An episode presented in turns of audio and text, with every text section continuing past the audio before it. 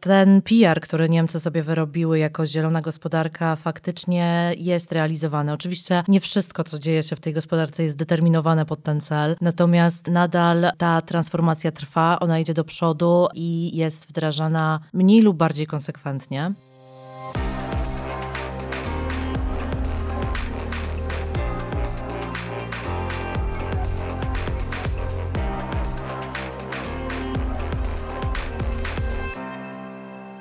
Krzysiek Grzyman, Zielony Podcast. Dzień dobry, a gościem jest Maryjka Szurowska, e, dziennikarka z serwisu czystagospodarka.pl. Witaj. Dzień dobry Państwu, dzień dobry Tobie. Która na co dzień mieszka w Niemczech, w Heidelbergu, Dokładnie tam. ale od trzech miesięcy jest uwięziona w Polsce. Dokładnie tak jest. A którą ulubioną gazetą e, codzienną jest, jak się nazywa ta gospodarcza gazeta? Mówisz o niemieckiej gospodarczej gazecie Tak. Handelsblatt? A, Handelsblatt, no właśnie. Spotkaliśmy się, żeby porozmawiać trochę o Niemczech. Często niemiecka gospodarka jest stawiana przez jednych za wzór e, zielonej transformacji, gdzie udział odnawialnych źródeł energii sięga e, 50%. Kraj uznawany za autora, inicjatora e, Zielonego Ładu. Kraj, w którym zieloni rządzą, czy współrządzili, czy to w kraju federalnym, czy w krajach związkowych od wielu, wielu lat. A przez innych postrzegana jest i przedstawiana niemiecka gospodarka jest jako kraj, który mieni się zielonym, ale tak naprawdę jest brunatnym, jak ten węgiel, którym e, palony jest w piecach. Oczywiście brunatnym tylko i wyłącznie pod względem palenia węglem, bez żadnych innych skojarzeń. Prawda zazwyczaj leży po środku, ale w tym przypadku raczej bym się skłaniała ku temu, że ten PR, który Niemcy sobie wyrobiły jako zielona gospodarka, faktycznie jest realizowany. Oczywiście nie wszystko, co dzieje się w tej gospodarce, jest determinowane pod ten cel, natomiast e, nadal e,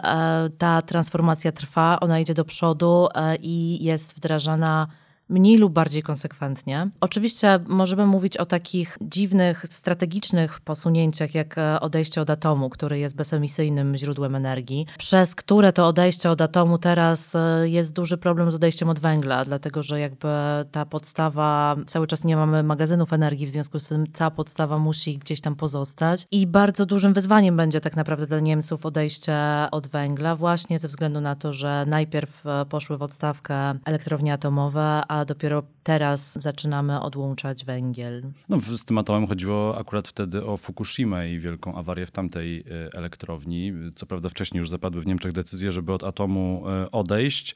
One zostały cofnięte, ale potem przywrócone właśnie w związku z wydarzeniami w Japonii. Nie oceniam tego, czy to była dobra, czy zła decyzja. Chodzi mi raczej o to, że e, z punktu widzenia samej emisyjności ta decyzja spowodowała, że emisje w pewnym momencie też w, w Niemczech wzrosły, przez to, że więcej było udziału źródeł węglowych. Gdyby zrobić być może to odwrotnie, uniknęlibyśmy tego, tego piku. Natomiast e, ja nie mówię tutaj, że, że to była zła decyzja. Po prostu z punktu widzenia emisyjności tak to wyglądało. Energetyka to jest pewnie coś, co, co najbardziej y, tych, którzy krytykują Niemcy, irytuje, bo z jednej strony Niemcy mają te wspomniane prawie 50% energii ze źródeł odnawialnych, w szczycie produkcji odnawialnych źródeł, a przy jednocześnie y, niskim poborze te odnawialne źródła energii czasem zaspokajają 100% potrzeb energetycznych. Co prawda to są momenty jeszcze, nie jakieś dłuższe okresy.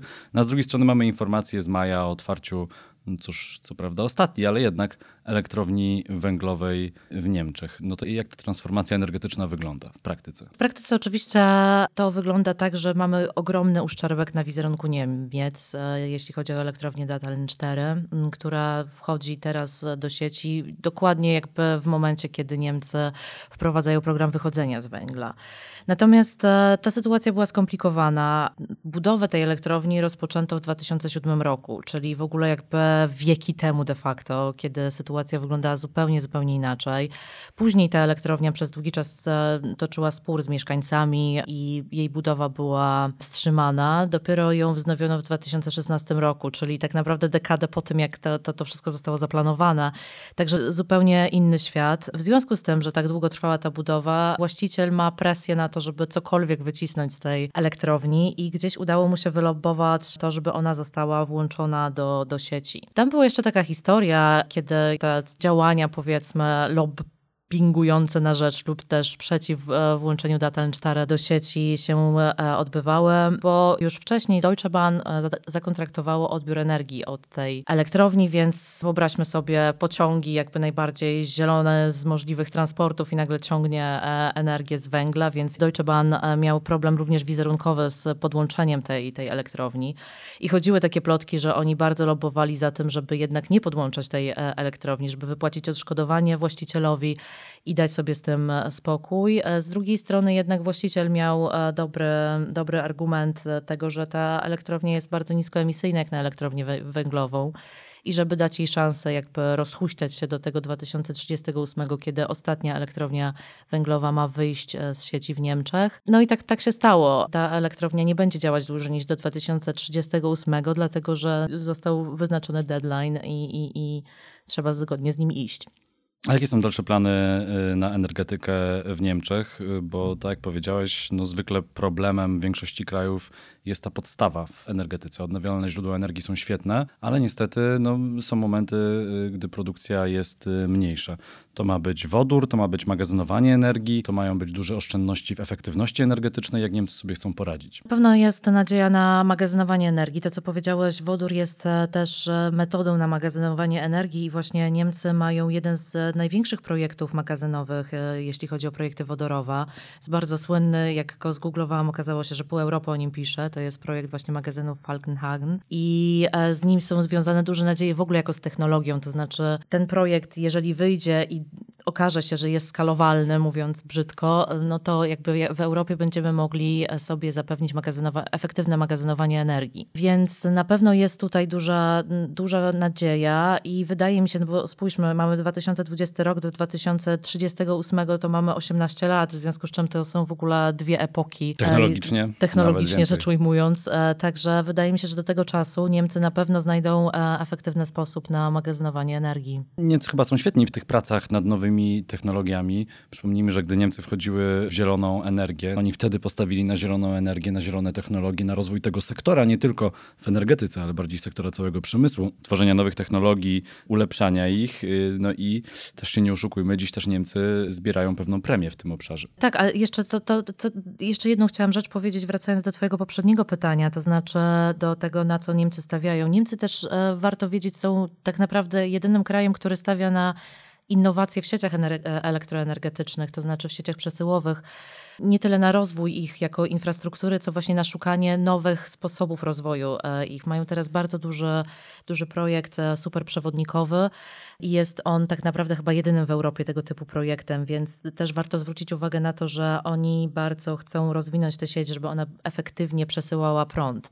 To, jest bardzo ważny element, jeśli chodzi o efektywne wykorzystywanie OZE i jakby, żeby ono mogło zastąpić e, takie bazowe źródła energii jak węgiel czy atom. A teraz e, właśnie kilka dni temu rozmawiałam z jednym z menedżerów e, w, z polskiej energetyki, z energetyki OZE też e, powstała taka dyskusja na Twitterze, że w tym momencie musimy wchodzić w, w źródła OZE i jakby nie mamy żadnego know-how w kraju. I to know-how oczywiście przyjdzie z krajów, które mają duże doświadczenie w rozwijaniu projektów OZE. No w przypadku akurat teraz polskiego offshore'u to doświadczenie przychodzi z Danii e, od Ersted, który jest e, największym deweloperem offshore'owych farm wiatrowych. Natomiast wiadomo, że jakby Niemcy są tuż za, za tą duńską firmą i, i też jakby wiadomo, że będą odcinać kupon od tego, że potrafią coś zrobić, już abstrahując od tego, że potrafią coś zbudować, jak, jakby urządzenia, które wytwarzają tę energię, to jeszcze potrafią po prostu poprowadzić projekt e, całej budowy i później jakby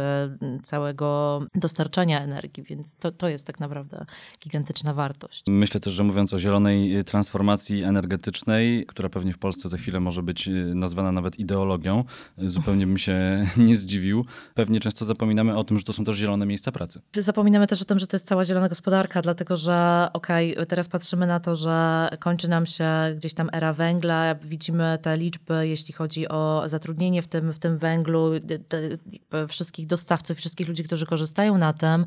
Natomiast zapominamy, że to jakby życie nie znosi próżni. Powstają zielone miejsca pracy, powstają zielone łańcuchy dostaw i jakby no, to, to, to się dzieje. To, to jest też impuls dla gospodarki. Wspomniałaś o e, transporcie, o kolei w Niemczech. Jak Niemcy sobie radzą z rozwojem kolei? Nie radzą sobie, ale próbują. W Niemczech e, problem polega na tym, że pociągi są niesamowicie drogie i e, pociągi też nie są najlepszym źródłem transportu, to znaczy um, nie dojedziemy szybko z jednego miejsca do drugiego pociągiem. Mam taki przykład, że ja mieszkam w Heidelberg, to jest pod Frankfurtem i któregoś razu chciałam wrócić z Berlina do, do Frankfurtu. Chciałam to zrobić pociągiem, co by być e, zielona. E, natomiast pociąg kosztował 180 euro. E, podczas gdy samolot kosztował 40 euro. Pociąg jechał 6 godzin, samolot leciał no niecałą godzinę do Frankfurtu. Później jeszcze powiedzmy te, te 40 minut z Frankfurtu do, do Heidelberg, no ale to tak czy siak jest e, gigantyczna różnica czasu, a przede wszystkim gigantyczna różnica e, kosztowa. Oczywiście to też nie jest tak, że każdy bilet kosztuje 180 euro z Berlina do Frankfurtu, do, do Frankfurtu czy do Heidelberg, natomiast te ceny są, są e, bardzo wysokie. To, co rząd zrobił niedawno, to była obniżka podatku VAT na bilety kolejowe.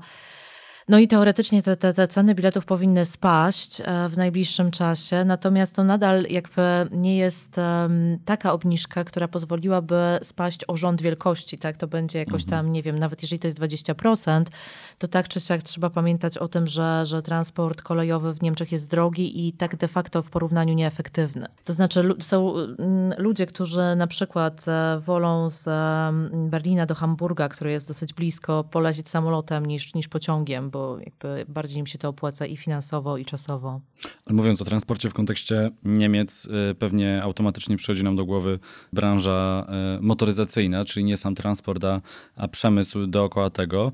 No i tutaj Niemcy chyba, no właśnie pytanie, czy mają się czego wstydzić, czy nie? No, z jednej strony Dieselgate y, Volkswagena, a wiemy, że inne koncerny mają trochę na sumieniu, a z drugiej strony elektryfikacja, która w Europie no, zaczyna się w Niemczech właśnie. Tak, na pewno, na pewno to Niemcy elektryfikują transport kołowy. E, natomiast podczas e, ostatniego wprowadzenia ulg podatkowych w związku z koronawirusem e, była dosyć taka ważna sprawa, mianowicie przemysł samochodowy lobbował na rzecz wprowadzenia ulgi na samochody niskoemisyjne. To znaczy każda rodzina, która na przykład chciała sobie wymienić samochód, miała mieć, miała mieć z tego tytułu ulgę.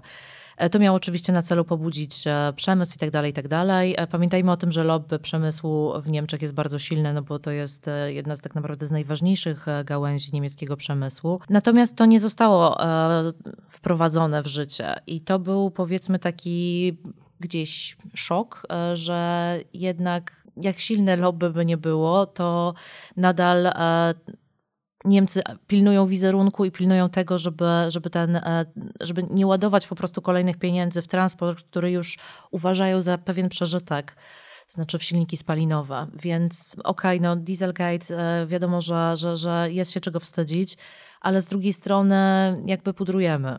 No, z drugiej strony Volkswagen teraz też mocno postawił na zdecydowanie mniej emisyjną flotę, no ale to z drugiej strony cała Europa musi tak robić ze względu na wyśrubowane unijne normy. No zdecydowanie. Znaczy, pamiętajmy, że tak naprawdę mm, teraz jakby przemysł samochodowy idzie zgodnie z jakimś tam trendem, który okej, okay, no z jednej strony normy, ale z drugiej strony też jakby e, rynek tego wymaga, a także producenci konkurencyjni, jak na przykład Toyota, która w ogóle jest, jest chyba tutaj e, liderem, jeśli chodzi o e, napędy hybrydowe.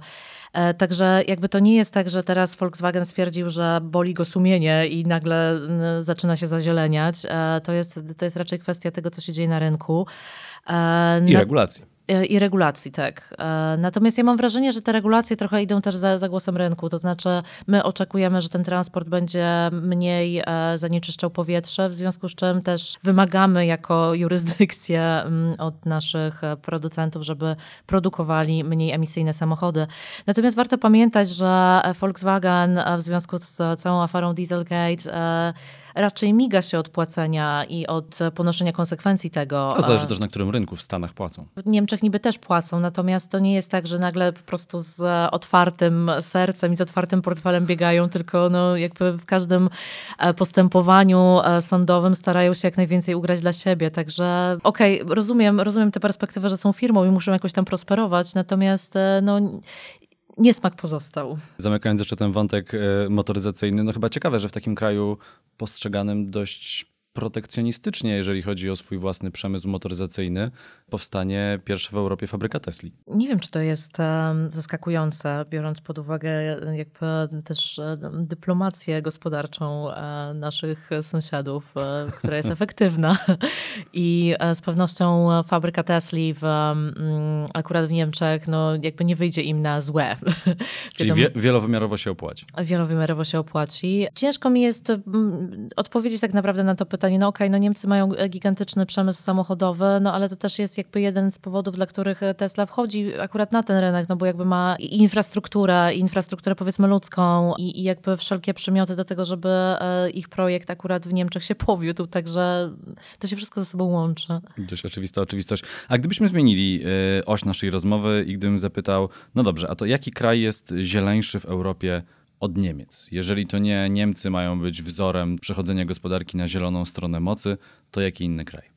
No wydaje mi się, że jeżeli mm, nie chce, jeżeli odrzucamy Niemców, to może... Czego ty nie możesz zrobić, ponieważ serce wiadomo.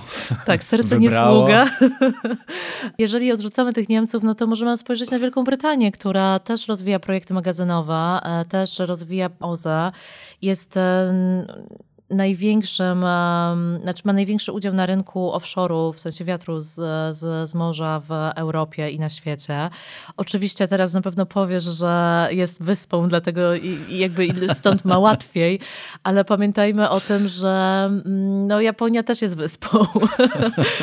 Tam jest trochę, trochę inna sytuacja, dlatego że morze im, im mają, jest od razu głębsze, stąd oni jakby do tej pory nie, nie bardzo mogli wchodzić w ten, w ten biznes. Ja chciałem powiedzieć co innego, że Wielka Brytania wychodzi z Unii Unii Europejskiej. To ja powiedziałam w Europie, a nie w Unii Europejskiej. Wiem, wiem. Błąd mojego pytania. Także, także ta, ta, w Wielkiej Brytanii też się dużo, dużo ciekawych rzeczy dzieje. E, Wielka Brytania swoją drogą kiedyś miała największą elektrownię na węgiel, e, to była elektrownia Drax, e, która teraz zmieniła się w ogóle już na, na biomasę i ta, ta, ta transformacja uchodzi za taką flagową transformację właśnie energetyczną, że jakby ta infrastruktura, która kiedyś tam służyła E, nam e, do zanieczyszczania środowiska, teraz służy nam do, do, do, do produkcji czystej energii. Także to nie jest też tak, że, że Niemcy są jedynym krajem, który, jedynym dużym krajem, który się zieleni. Wielka Brytania też to robi. Oczywiście pomijając już takie kraje jak Dania, ale jakby to są kraje o zupełnie innej, e, innej strukturze i przemysłu, jakby też wielkości, więc tak naprawdę nie możemy za bardzo się na nie powoływać. Maryka, codziennie przeglądasz niemiecką prasę, wspomniany dziennik Handelsblatt? Zapamiętałem.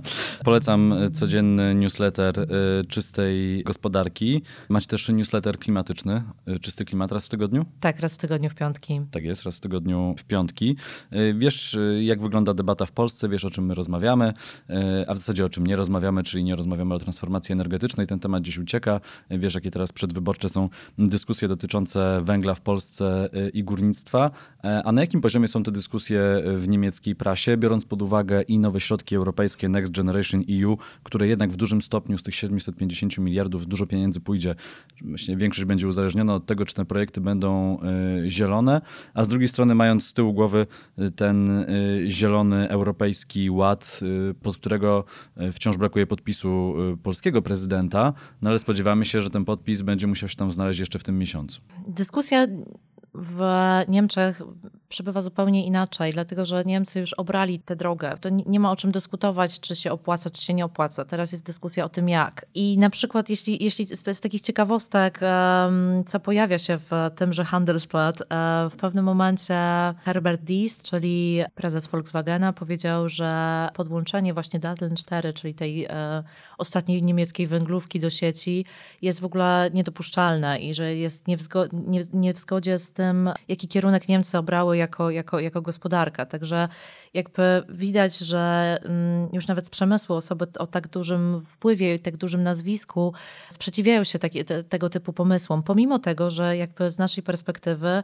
przemysł bardzo dużo ryzykuje, tak? No bo jakby przemysł potrzebuje stabilnych dostaw energii i w momencie takim, kiedy, kiedy eksperymentujemy z tym, to znaczy przechodzimy na OZE, przechodzimy na jakieś magazyny energii, no to przemysł jest pierwszym tak naprawdę buforem, bo w momencie takim, kiedy przestaną mieć e, dostawy energii e, stabilne, no to jakby to już nie tyle e, produkcja staje, co po prostu narażają swoje maszyny na na szwank.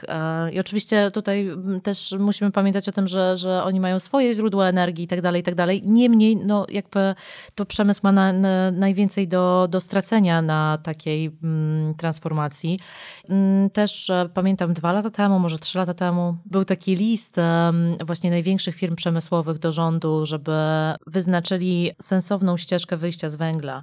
I tam e, jakby podpisały się najbardziej energochłonne firmy, e, w czym między innymi Adidas, który pomimo tego, że nie produkuje samochodów, a buty, jest wyjątkowo energochłonnym biznesem. I nie produkuje zbyt wiele w Niemczech. tak. Natomiast się podpisali pod tym i też jakby jak się patrzy na ich zużycie energii, to faktycznie jest sporo tego. Patrząc na emisję swoją drogą, to branża modowa odpowiada za naprawdę spory ułamek emisji, a w dłuższej perspektywie to będzie rosło, rosło i rosło, no bo energetyka będzie przychodziła na zieloną stronę, a tym, e, ta, ta branża fashion będzie produkowała coraz więcej. Tak, a, a jeszcze mm, jakby branża fashion ma bardzo dużo innych grzechów na sumieniu, jeśli chodzi o, o, o handel, więc to chyba na, na inną rozmowę. Zdecydowanie tak. Wszedłem ci w słowo. Chodziło mi raczej o to, że jeżeli spojrzymy na głosy z przemysłu, to są one raczej, raczej w kierunku dobrze, to teraz usiądźmy, zastanówmy się, jak sensownie e, zerwać z węglem, jak sensownie wejść e, jakby w pełni w OZE. E, więc to jest taki, takie, takie, takie pełne wsparcie, w sensie wszystkie, wszystkie ręce na pokład i um, gdzieś tam tę naszą łajbę na Zielony Brzeg chcemy, chcemy ją dopłynąć na Zielony Brzeg. No i chyba w Niemczech y, y, akceptacja dla odnawialnych źródeł energii i taka potrzeba zainstalowania odnawialnych źródeł energii jest, jest już bardzo wysoka. No to zależy, bo jeżeli spojrzymy na przykład na wiatraki lądowe, które mm, ostatnio przeżywały duży regres w, w Niemczech ze względu na nowe prawo i jakby mm, na to, że ludzie nie chcą tych wiatraków na, na lądzie, uważają je za nieciekawy element krajobrazu. Tam są też oczywiście jakieś teorie spiskowe i, i, i tak dalej. To nie tylko specjalność polska. Natomiast poza tym aspektem wiatraków na lądzie, faktycznie ludzie chcą tej, tej zielonej energii i są w Bardziej myślałem o tej energetyce prosumenckiej właśnie. Tak, zdecydowanie. E, I też jakby jak spojrzymy na rynek niemiecki, tam tych rozwiązań dla prosumentów, a zwłaszcza w taki, takich rozwiązań dla całych sąsiedztw, to znaczy mhm. takiej, takiej energetyki współdzielenia na poziomie poziomie 10-15 domów. Takich produktów jest bardzo dużo na rynku i znaczy bardzo dużo. No, względem tego, co się dzieje w Polsce, jest ich dużo. E, I ludzie sobie po prostu mogą w, w ramach sąsiedztw e, korzystać z rozwiązań prosumenckich, co oczywiście też e, jest jest fajnym rozwiązaniem, jest modnym rozwiązaniem, łatwo dostępnym, więc ergo ludzie z tego korzystają. To chyba tutaj możemy postawić kropkę tym zielonym akcentem. możemy zakończyć naszą rozmowę, ale na pewno nie ostatnią. E, Maryjka Szurowska, dziennikarka serwisu Czysta Gospodarka. Bardzo serdecznie dziękuję. Była gościem Zielonego Podcastu. Krzysiek Grzyman, do usłyszenia.